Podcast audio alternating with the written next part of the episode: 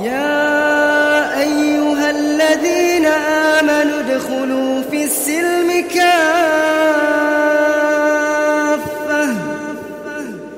ادخلوا في السلم كافة.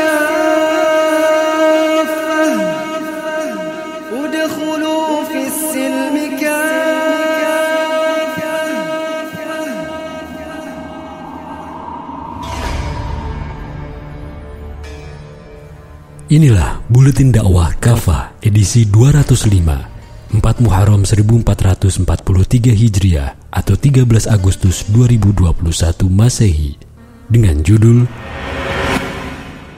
Hijrah, Pengorbanan dan Perubahan. Tahun 1442 Hijriah sudah berlalu. Kita sekarang berada di tahun baru 1443 Hijriah. Beragam suasana duka terjadi sepanjang tahun lalu. Pandemi sudah berlangsung dua tahun. Krisis ekonomi membuat kehidupan negeri ini makin terpuruk. Korupsi terus merajalela. Beragam penistaan terhadap ajaran Islam serta ketidakadilan hukum terus ditimpakan kepada tokoh-tokoh umat. Karena itu besar harapan dan keinginan umat agar momen hijrah dapat mengubah keadaan negeri ini menuju suasana yang lebih islami, berada di jalan yang diridhoi Allah Subhanahu wa taala. Keyakinan dan pengorbanan. Peristiwa hijrah Nabi Shallallahu alaihi wasallam bersama para sahabat beliau dari Mekah ke Madinah disepakati sebagai awal penanggalan kalender Hijriah atas usul Khalifah Umar bin Khattab radhiyallahu an. Hal ini dicatat oleh Ibnu Al-Jauzi dalam kitabnya Al-Mudazzam fi Tariq Al-Muqwal Umam. Dengan menelaah syirah Nabi Shallallahu Alaihi Wasallam, siapa pun akan paham bahwa hijrah Nabi Shallallahu Alaihi Wasallam dan para sahabat adalah peristiwa besar, bahkan menjadi tonggak tegaknya Islam di muka bumi. Melalui hijrah, Islam menjadi kekuatan besar yang menebarkan rahmat ke seluruh umat manusia. Berbeda dengan sebelumnya, selama 13 tahun di Mekah, dakwah Islam menemui kesukaran bahkan jalan buntu. Caci maki hingga penganiayaan dialami Rasulullah Shallallahu Alaihi Wasallam dan para sahabat. Hal ini sangat membuat Rasulullah Shallallahu Alaihi Wasallam berduka hingga turun ayat yang menghibur beliau. Sungguh telah didustakan pula para rasul sebelum kamu. Lalu mereka sabar atas pendustaan dan penganiayaan terhadap mereka sampai datang pertolongan Allah kepada mereka. Tak ada seorang pun yang dapat mengubah janji-janji Allah. Sungguh telah datang kepadamu sebagian dari berita para rasul itu.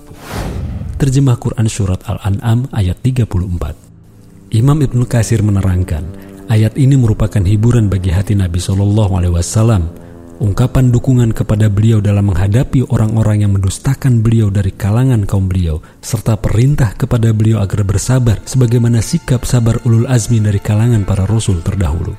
Ayat ini pun mengandung janji Allah kepada nabinya bahwa dia akan menolong dirinya sebagaimana dia telah menolong para rasul terdahulu. Kemudian mereka memperoleh kemenangan. Pada akhirnya akibat yang baik diperoleh para rasul sesudah mereka mengalami pendustaan dan gangguan dari kaumnya masing-masing. Setelah itu datang kepada mereka pertolongan dan kemenangan di dunia dan di akhirat. Hijrah adalah pengorbanan. Selain harus menempuh perjalanan yang berat dengan jarak lebih dari 400 km, kaum muslim menghadapi dua ujian dalam berhijrah. Pertama, ujian keimanan. Mereka harus meninggalkan negeri asal mereka, harta benda, tempat tinggal, bahkan keluarga mereka. Mereka berpindah ke negeri yang di sana tak ada sanak kerabat. Mereka pun tidak dijanjikan akan mendapat tinggal baru atau mata pencaharian baru sebagai ganti harta yang mereka tinggalkan. Hanya bermodalkan keyakinan pertolongan Allah Subhanahu wa taala, mereka berhijrah. Allah Subhanahu wa taala pun memberikan pujian dan pahala berlimpah kepada kaum muhajirin. Orang-orang yang berhijrah di jalan Allah, kemudian mereka dibunuh atau mati, benar-benar Allah akan memberi mereka rezeki yang baik, yaitu surga. Sungguh Allah adalah sebaik-baik pemberi rizki.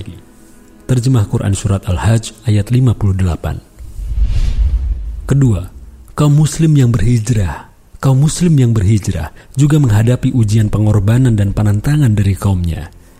Zainab binti Rasulullah Shallallahu Alaihi Wasallam misalnya, ia harus rela berpisah dengan suaminya Abu Al As bin Robi yang masih musyrik dan menolak ikut berhijrah.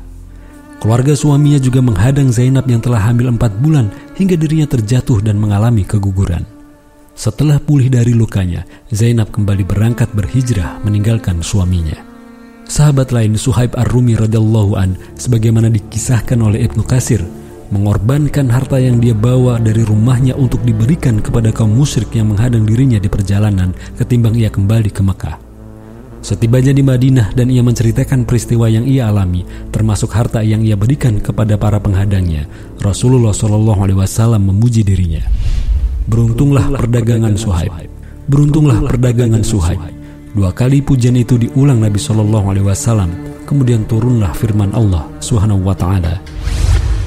Di antara manusia ada yang mengorbankan dirinya karena mencari ridho Allah. Allah Maha Penyantun kepada hamba-hambanya. Terjemah Quran Surat Al-Baqarah ayat 207 Perubahan kekuatan Hijrah Nabi Shallallahu Alaihi Wasallam ke Madinah bukanlah karena beliau ingin menghindar dari kesulitan demi kesulitan yang menghadang dakwah beliau selama di Mekah. Hijrah ini juga bukan karena Rasulullah Wasallam sudah tidak bisa bersabar lagi menghadapi rintangan dakwah. Namun beliau menyadari bahwa masyarakat Mekah berpikiran dangkal, bebal, dan berkubang dalam kesesatan. Karena itu beliau melihat bahwa dakwah harus dialihkan dari kondisi masyarakat semacam ini ke kondisi masyarakat yang lebih kondusif dan siap menerima Islam. Allah Subhanahu wa taala lalu memberikan pertolongan dengan kedatangan orang-orang suku Aus dan Khazraj dari Yasrib atau Madinah. Dua kabilah ini terkenal dengan kekuatan mereka karena terbiasa berperang. Negeri mereka pun memiliki posisi geostrategis yang luar biasa. Terletak di jalur perdagangan antara Mekah dan Syam. Hal ini mencemaskan orang-orang Quraisy seandainya Rasulullah Shallallahu Alaihi Wasallam berkuasa di Madinah.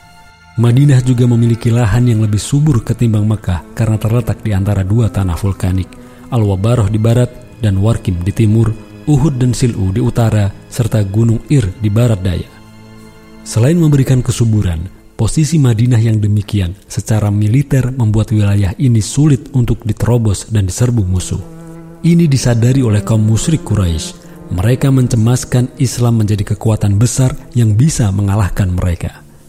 Karena itu mereka berusaha keras menghadang hijrah kaum muslim, khususnya Rasulullah Shallallahu alaihi wasallam. Namun dengan izin Allah, beliau dapat menerobos kepungan orang-orang kafir Quraisy dan lolos dari kejaran mereka hingga beliau tiba di Madinah. Setiba di Madinah, Rasulullah Shallallahu Alaihi Wasallam melakukan sejumlah langkah untuk membangun kekuatan dalam wujud negara Islam pertama di dunia yang kokoh. Pertama, Rasulullah Shallallahu Alaihi Wasallam berhasil menyatukan suku Aus dan Khazraj yang bermusuhan. Beliau juga mempersaudarakan kaum Muhajirin dan Ansor. Kedua, Rasulullah Shallallahu Alaihi Wasallam mengikat seluruh pihak di Madinah dan sekitarnya, seperti kaum musyrik dan Yahudi, dengan piagam Madinah. Tujuannya antara lain agar eksistensi negeri Islam yang dibangun tidak digoyahkan oleh siapa pun. Semua terikat dengan piagam Madinah untuk saling menjaga dan melindungi. Mereka tidak boleh bersekutu dengan musuh untuk menyerang satu sama lain. Semua pihak setuju untuk tunduk pada hukum-hukum Islam. Ketiga, Rasulullah Shallallahu Alaihi Wasallam menyusun struktur pemerintahan Islam di Madinah dan menjalankan syariah Islam secara kafah di sana. Abu Bakar dan Umar bin Khattab radhiyallahu an diangkat sebagai muawin atau pembantu beliau dalam pemerintahan. Nabi Shallallahu alaihi wasallam bersabda, "Pembantuku dari langit adalah Jibril dan Mikail, sementara pembantuku dari penduduk bumi adalah Abu Bakar dan Umar." Hadis riwayat Al-Hakim dan Tirmizi. Rasulullah Shallallahu Alaihi Wasallam mengangkat Qais bin Saad sebagai pimpinan kepolisian, sebagaimana diriwayatkan oleh Imam Al Bukhari. Beliau juga mengangkat sejumlah sahabat sebagai komandan pasukan untuk ekspedisi militer jihad visabilillah. Dakwah Islam dan jihad visabilillah pun dilakukan oleh Rasulullah Shallallahu Alaihi Wasallam selama hidup di Madinah. Beliau antara lain memimpin penaklukan Mekah pada tanggal 17 Ramadan 8 Hijriah dengan mengerahkan 10.000 tentara kaum muslim. Saat Rasulullah Shallallahu Alaihi Wasallam wafat, seluruh jazirah Arab telah masuk ke dalam kekuasaan kaum muslim atau negara Islam. Ekspansi Islam ini diteruskan oleh Khulafaur Rasyidin lalu oleh para khalifah berikutnya. Wahai kaum muslim, peristiwa hijrah telah memberikan keteladanan dan pelajaran penting. Betapa perubahan masyarakat menuju tatanan yang penuh rahmat dan keadilan tidak mungkin terjadi tanpa Islam. perubahan tersebut tidak mungkin terjadi tanpa pengorbanan. Kaum muslim generasi awal telah mencontohkan bahwa kemenangan dan perubahan besar itu hanya bisa karena pengorbanan yang besar di jalan Allah. Semoga kita bisa mengikuti jejak mereka. Amin. Wallahu a'lam bishawab.